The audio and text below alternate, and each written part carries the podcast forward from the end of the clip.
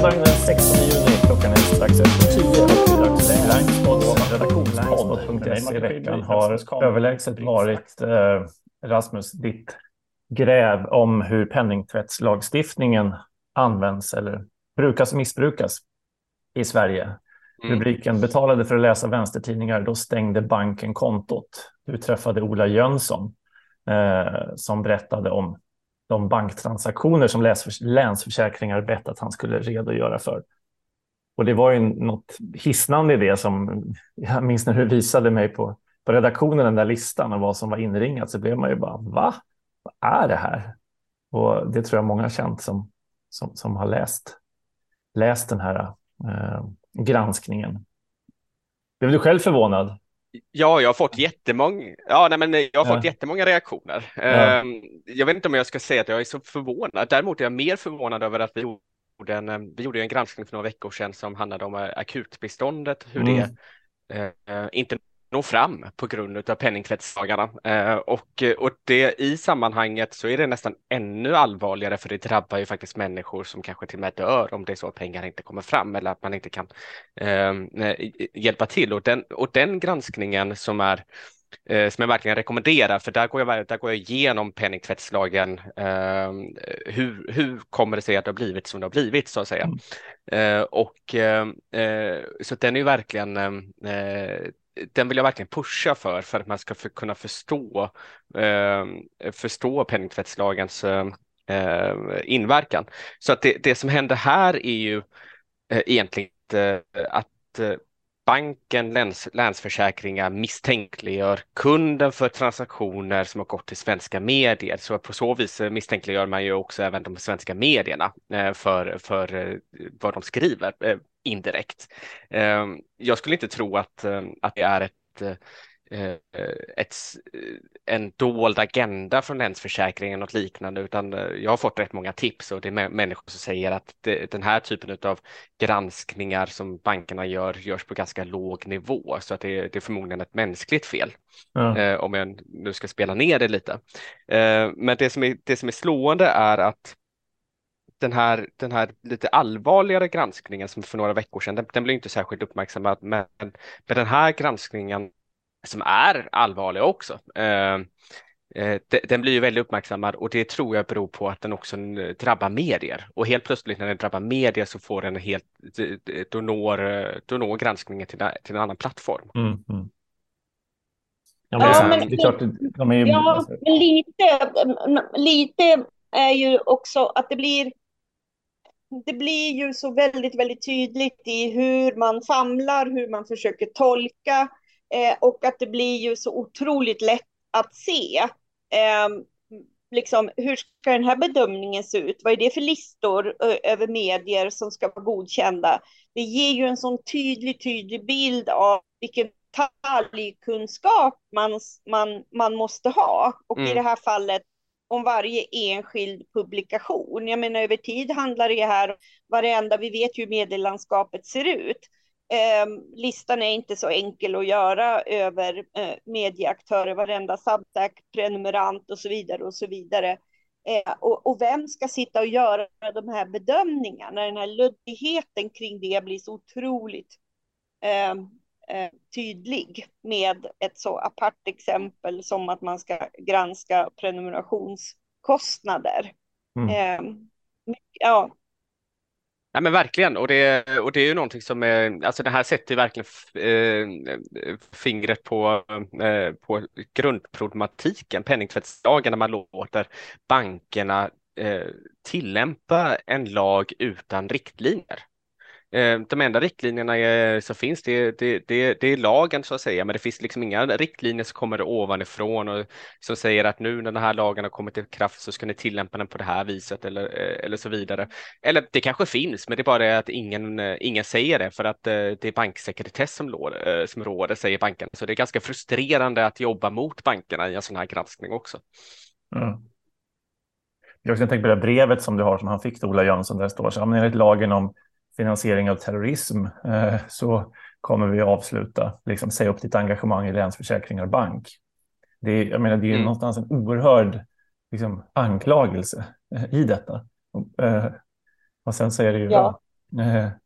som man liksom inte kan försvara sig mot då, för att ha prenumererat på tidningar som, som de också säger redaktörerna för både Arbetarna och ETCs liksom grundare som du intervjuar. Att det här är ju, som man säger, jag menar, hundraåriga liksom, publicister som följer det medieetiska systemet och som ja, jag tycker Annie Hellquist säger det klokt. Där, liksom. Om det här fick varningsklockorna att ringa, då är det något fel på varningsklockorna. Säger arbetarens chefredaktör till det. Det är ett bra citat. Ja, det var ju väldigt väl, eh, mm. välformulerat av henne, ja. tyckte jag. Ja, verkligen. Ja, och du har fått in fler tips efter publicering, eller? På... Ja, alltså jag får ju, jag får ju jättemånga tips eh, ja. egentligen. Mm. Um, framförallt eh, vad gäller föreningar. Eh, mm. Att, eh, att föreningar har jättebesvärligt. Så att idag här, det här samtalet kommer jag åka in till redaktionen och intervjua Bartosz Stroinski från Vi Unga. Mm. En, en 21-årig kille som har jobbat med detta i fyra år egentligen. Och, och vi kommer att prata om hur det drabbar hur det egentligen potentiellt drabbar föreningsdemokratin i Sverige och mm och det ser vi även när det kommer till medierna, att mm. Eh, det kan ju drabba yttrandefriheten också. Mm. Men hur var det, förlåt om jag eh, tappat bort det i sommarvärmen, men en anmäla till Finansinspektionen eller så, är det någon som har gjort det? Kan man göra det? Det görs hela tiden eh, och men har det, det gjorts har sett... i, i relation till det här nu? Det vet vi inte för det är banksekretess som, eh, som råder. Så att, eh, om jag ställer en fråga så kommer jag inte få svar på det. Uh, uh, så att det, det, är helt omöjligt att få ut någonting. Så, det är ingen av dem som har sagt det? Kan man som Nej. Nu är jag jätteokunnig. Uh, ja, nej, nej så, att, så att det som händer, förmodligen är det så att det har gjorts och Eh, och vad jag baserar det på är att man kan se en ökning de senaste åren. Eh, det har egentligen tredubblats de här eh, anmälningarna till Finansinspektionen och det är det som kallas för ja, för Ja, nej, men det har gjorts en, en ökning de senaste tre åren, tre, ja, fyra åren som har tredubblats. Eller hur? Precis, ja. Eh, det hade jag. Så att jag, jag antar att alla sådana här ärenden faktiskt anmäls till, till Finansinspektionen, men det är inte samma sak som att det blir det. Eh, och, och det görs på en sån nivå att, inte, att man nödvändigtvis inte går och eh, granskar varenda anmälan, utan det, det är eh, förmodade fall utav penningtvätt, som de kallar det. Mm. Men jag som um, privatperson som har råkat ut för det här kan inte anmäla till Finansinspektionen. Nej, utan det som man gör om det är så att man um, blir um, avstängd eh, eller att man får sina tillgångar frysta, det är att man i första hand vänder sig till bankens ombudsman för kunderna, för kundrelationer. Eh, Eh, och den ombudsmannen granskar då ärendet och tar vidare in i banken och ser var det verkligen en korrekt bedömning från handläggaren på banken. Just. Det som de säger, eh, de här privatpersonerna, ombudsmannen inte hjälper dem helt enkelt. Det, ombudsmannen tar inte vidare ärendet utan till syvende och sist blir det någon form av moment 22 där man, får, eh, där man får driva den här saken rättsligt själv och man får bekosta en, en jurist som, som driver saken åt en. Och det kan vi ju säga att det har ju hänt andra medier. Det, det, var ganska, det, det, blev en liten eh, lustig vändning i det hela för att eh, den här granskningen riktar sig ju mot vänstermedier som vi skriver i rubriken. Men det visar sig att eh, det här problemet har ju drabbat eh, medier långt ut på högerkanten också. Mm. Eh, så att eh, det finns ju en tidning som jag helt ärligt inte hade hört talas om som heter Nya Dagbladet som har drabbats där Länsförsäkringar har stängt ner deras konto. Och de har gjort en hel artikelserie på 15-20 artiklar om hur eh, olika högermedier drabbas utav bankerna. Eh, Sweb TV, eh, den högerradikala eh, får man väl kalla den ändå. Mm. Ehm, eh, Youtube-kanalen som Youtube dessutom slängde ner en gång i tiden har också drabbats. Ja, men eh, Nya Dagbladet är väl nationalistisk, väldigt högerextrem. Så att den ja. befinner sig ju i, eh, i ett ytterfält som inte de här medierna som fanns i den här listan. Men det här är ju redaktionspodden, då kan jag säga det är ju sommar och vi sköter det mesta digitalt. Jag inom citationstecken retade mig lite på att det stod vänstermedier för att jag tyckte att det inte var huvudpoängen för att det säger sig självt att det här personliga handhavandet. I det här enskilda fallet råkade det vara en person som prenumererar på de här medierna. Men man förstår ju själv logiskt att det här kommer innebära hela mediespektrat. Liksom. Så det var ju mm. spännande att du, du har känt av det direkt också, att folk har hört av sig från hela, hela eh, det politiska spektrat så att säga. Att det, det intressanta och trubbigheten ligger ju, det blir ännu värre om det skulle vara en specifik röd tråd så att säga. men att det är, eller en tråd överhuvudtaget, men att det handlar ju om, om eh, trubbigheten i att någon ska göra en bedömning av om det här är ett seriöst medie eller inte. Så. Ja, jag tror att anledningen till att vi la in vänster i själva rubriken berodde på att, eller, eller att jag ville göra det eh, var just för att eh, det skulle framgå att detta var en åsiktsregistrering. Eh, om, om vi bara hade lagt in media, då hade det inte varit en åsiktsregistrering på samma vis, för de, alla de här 170 transaktionerna som Ola Jönsson hade gjort eh, eh, var ju, handlade ju om hans transaktioner till föreningar som tillhör någon form av vänster, vänsterföreningar och så vidare. Eh, och, eh, Men det var ju inte ett urval, han råkar bara vara, tillhöra det. Den, liksom. han har, det, det, är hans mediekonsumtion och hans engagemang. Jo, Nej, jag tolkar det som en ja. urval från banken alltså. Jaha, då är det ju ännu värre. Var... Ja, det är det, det är det som är um, själva storyn så att säga. Att, det, att om man kollar, det var inte Spotify som han själv säger i, um, i, uh, i artikeln som de hade reagerat på. Nej, men Spotify, det är ju lite som att det står tvättmedel och då fattar till och med den bankpersonen att tvättmedlet ska inte vara, vilket är ju lite okunnigt, för det är ju också en plattform där du i så fall kan konsumera allt möjligt. Twitter liksom. Blue vore roligt om det fanns med. Vad är de här åtta dollarna? hur, har du tänkt? hur, hur, hur har du tänkt här? ja. Ja, nej, men det är ju som, som ni är inne på båda två, det finns ju också i den här frågan som nu ställdes, ställs i riksdagen av eh, Ali Esbati från Vänsterpartiet. Han sitter i finansutskottet. Han har ju frågat, eh, som du var inne på också Rasmus, eh, finansmarknadsminister Niklas Wykman om lagen ska tillämpas så här just med risken för kränkningar av åsiktsfriheten och föreningsfriheten. Då. Eh, är det liksom bankernas tillämpning av penningtvättslagen förening, förenlig med de, de friheterna? Och att det är oerhört anmärkningsvärt att, att banker också liksom kartlägger och svartlistar enskildas köp av tidningar, medlemskap i föreningar, litteratur. Det här är ju liksom ja, själva demokratins grund, grundfundament någonstans.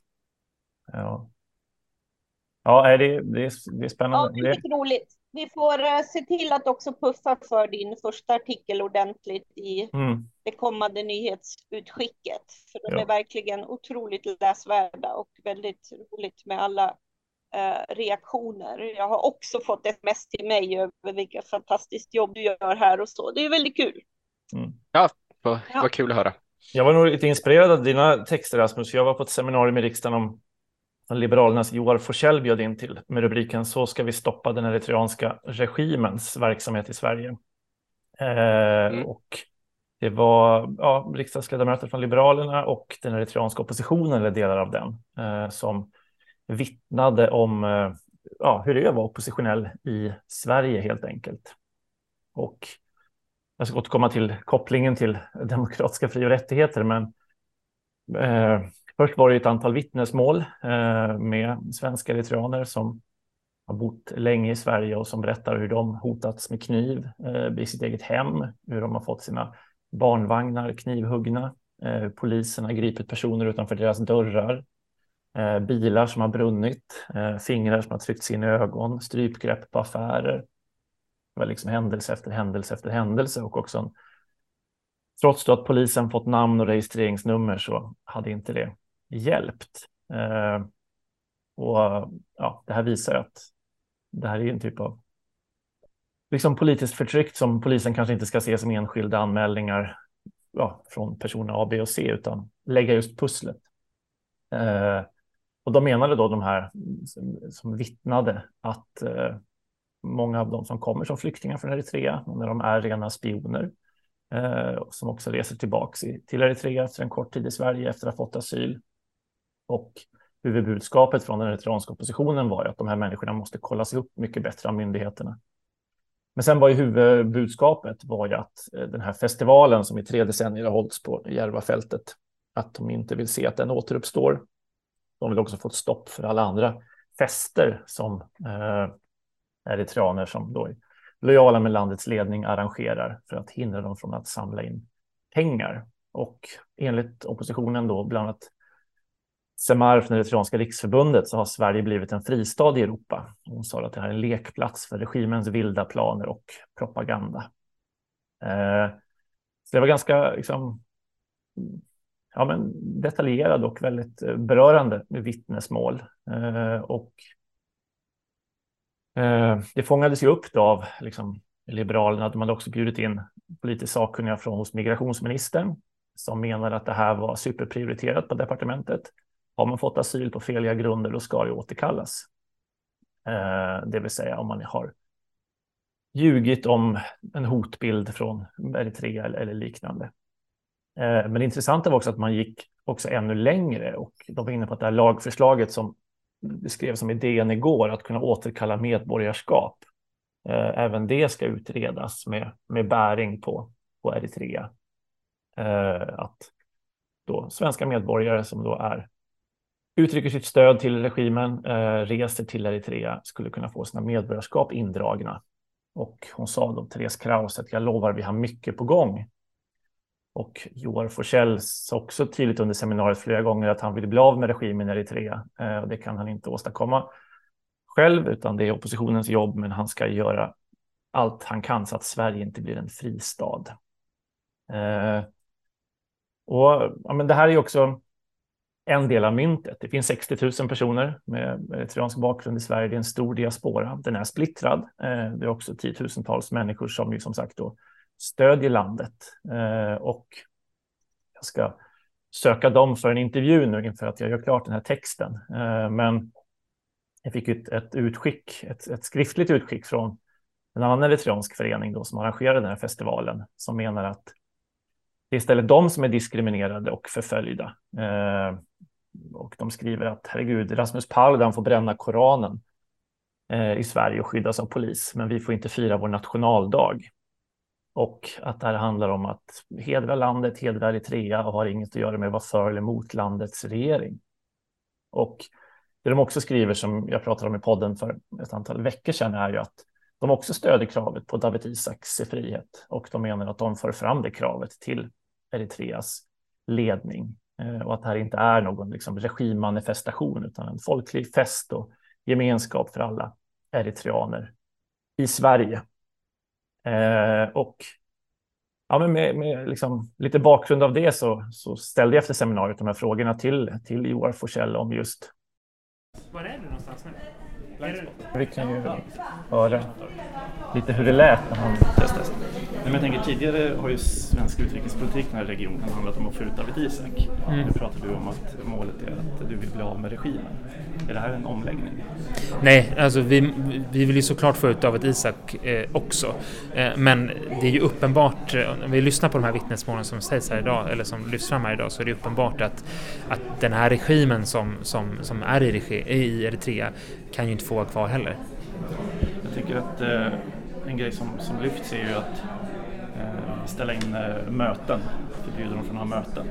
Eh, hur skulle det kunna gynna frisläppande av Dawit Isaak? Jag tror att eh, när vi tillåter den här typen av möten och när vi tillåter finansiering på olika sätt. Det, det, kan handla om saker som man säljer på de här festivalerna eller det kan handla om, eh, om att man upprätthåller regimens verksamhet i Sverige. Då, då, då, då sponsrar man ju och då finansierar man ju regimen och det är ju den regimen som håller Dawit Isaak eh, fången. Eh, så att jag, tror ju att, jag tror ju inte på att, eh, att regimen blir svagare utan tvärtom starkare om man får fortsätta sin, eh, sin verksamhet i Sverige och i andra europeiska länder såklart.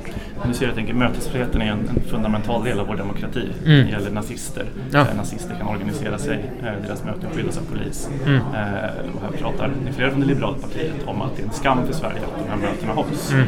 Eh, men, ser du en konflikt där? Absolut, men det är ingen som vill eh, förbjuda möten i, i meningen att eh, möten ska vara förbjudna enligt lag.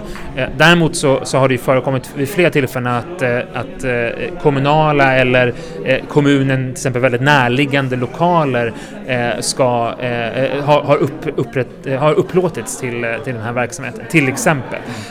och, och sen så måste man ju också titta på vad är det som gör att man kan hålla de här mötena och en del av det är finansieringen och den kan man så att säga gå på och försöka stoppa.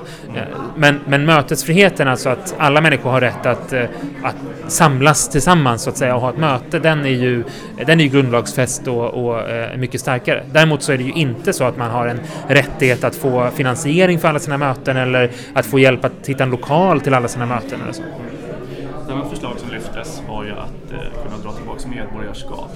Eh, personer som är svenska medborgare mm. som då till exempel reser till Eritrea eller uttrycker stöd för regimen. Eh, det är ju en, en ganska stor grundlagsändring att mm. på grund av politiska åsikter då kunna dra mm. tillbaka ett medborgarskap. Ser du några risker i det? Ja, precis. Jag, jag, tycker inte att man ska dra tillbaka medborgarskap på grund av eh, någons åsikter eh, eller som du beskriver eh, att man uttrycker stöd för en, för en åsikt som vi inte gillar så att säga, och, eh, eller som jag inte gillar. Eh, däremot, så, däremot så ser vi ju att dels att Migrationsverket behöver göra ett bättre jobb med att kontrollera vilka människor det är som, som kommer hit. Stämmer de här berättelserna? När det gäller länder som, och det finns ju flera länder, det kan handla om, det kan handla om Iran som nämndes på slutet eller Kina till exempel, så finns det ju, det finns ju ett pågående arbete från de regimerna att försöka infiltrera sina olika diasporor i, i Sverige eh, infiltrerar olika sammanhang där de kan utöva påtryckning. Och där behöver ju arbetet mycket, mycket starkare. Sen pågår det också, som vi skrev i panelen, ett arbete eh, i regeringen eh, kring, eh, kring eh, alltså både permanenta uppehållstillstånd och medborgarskap kopplat till om man har ljugit om skälen för eh, om, man ska, om man ska få det här. Jag tycker det var väldigt liksom, berörande vittnesmål här från människor som har flytt, eh, liksom flytt diktatur för att få sina mänskliga rättigheter eh, och sen så förnekas om dem i Sverige. Det, det, vad, vad tar du med dig från, från vittnesmålen som du har hört? Men jag tar med mig att jag, jag, jag, jag vill ändå påstå att de här vittnesmålen gör att det blir mycket verkligare och kommer mycket närmre. Eh, för det här är ju det är väldigt konkret. Ibland när man ägnar sig, jag ägnar mig vanligtvis åt utrikespolitik, och då blir det ganska abstrakt rätt ofta. Eh, det är saker som händer långt borta, det är, eh, vi pratar om internationella konventioner och, och sådana saker. Men det här är ju väldigt konkret. Eh, och vi måste ändå kunna säkerställa att vi kan skydda mänskliga rättigheter i Sverige. Det är ju någonstans, vi vill göra det i hela världen, men om vi inte kan göra det i Sverige så, så, är, vi, eh, så är vi väldigt illa ute. Det är väldigt spännande eh, frågeställning som, eh, som har ju diskuterats väldigt mycket det senaste året med tanke på eh, eh, ja, delvis de här demonstrationerna av nazistdemonstrationerna men också eh, koranbränningen och Roja-kommittéerna som har PKK-flaggor och eh, mm. var går gränsen egentligen? Vad, mm. vad ska vara okej? Vad, vad är inte okej att, att, att få uttrycka? Eh, det är så det är spännande att höra svaren ja. från Joar Forsell. Ja. ja, och i övrigt Martin, vi gjorde ju en morgonpodd i veckan där vi pratade lite om reaktionen efter din krönika och mm. Eh, eh, jag vet att det kanske lite det är en lite ny roll för dig att vara i. Men jag tycker ändå att, kan, kan, du inte berätta om att igår var du med i talkshow i P1? Ja, som den Parisa. leddes av Parisa Amiri och mm. Bonnier, Joakim, va? Eller? Ja. Ja, det var det. Precis. Eh, där var det ju, apropå att du också nämnde Järvafältet vad gäller eh, den här eritreanska festen och så, men mm. jag tyckte det var ett, kan du inte berätta om det samtalet? För det la, la ju liksom bilden av vad har hänt när Järva var i fokus på det här sättet och Farsta nu. Um, ja, nej, men det var, det. det var jättespännande att höra om just att det här civilsamhället som vi tar så givet och som är så starkt i Järva fanns ju inte riktigt från början, eh, utan var ju också ett resultat av människors engagemang i spåren av, av, av skjutningar där.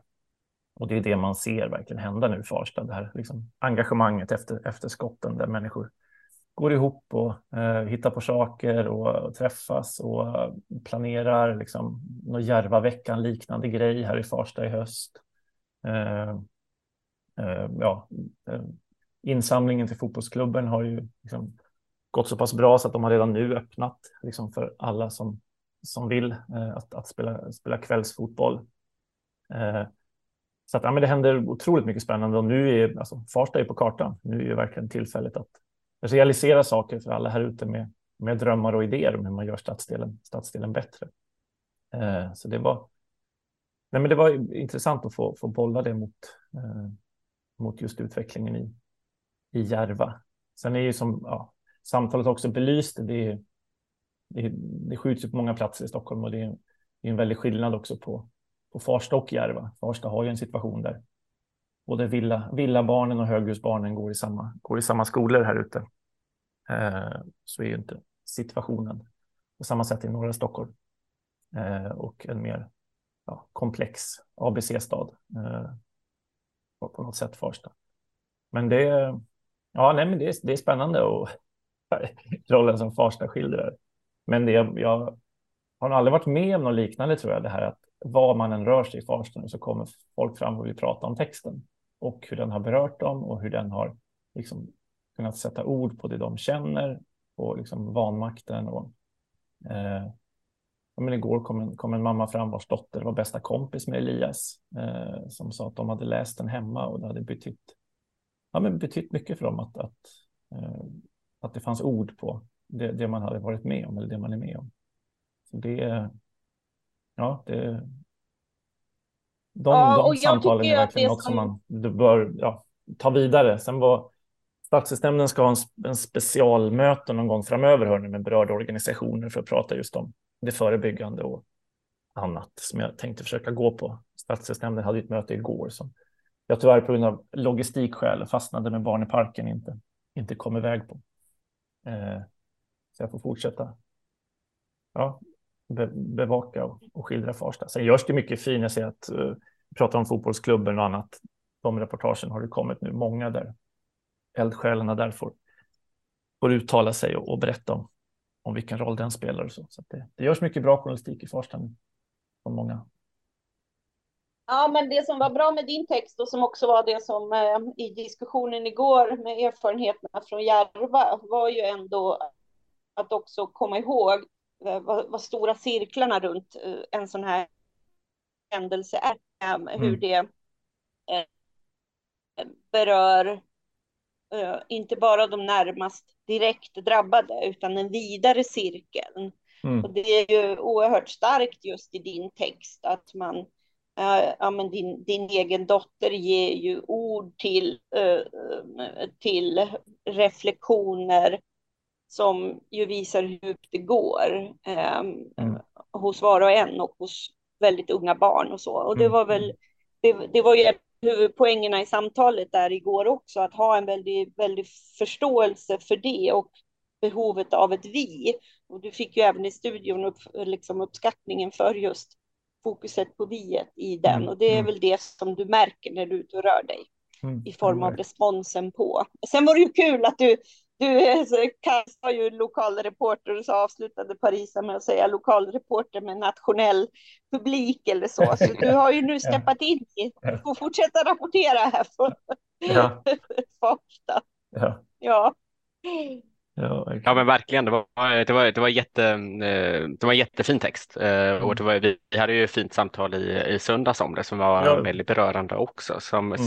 som föranledde eh, texten. Eh, så att det blev eh, som jag tycker att alla kan lyssna på också, om ni inte gjorde det mm. förra veckan.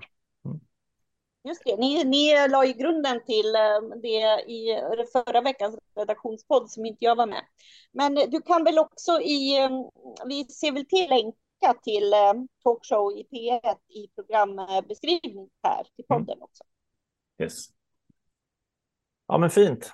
Tack. Tack alla ni som lyssnar. Tack alla ni som stöttar. Eh, om ni inte prenumererar så gör gärna det på vårt nyhetsbrev eller via Donorbox. Vi har fått en ny prenumerant i veckan, men vi har fått massor med nyhetsbrevsprenumeranter så att ja, vi, vi kan väl öka på båda delarna. En ja. annan prenumerant till, men också fler nyhetsbrevsprenumeranter.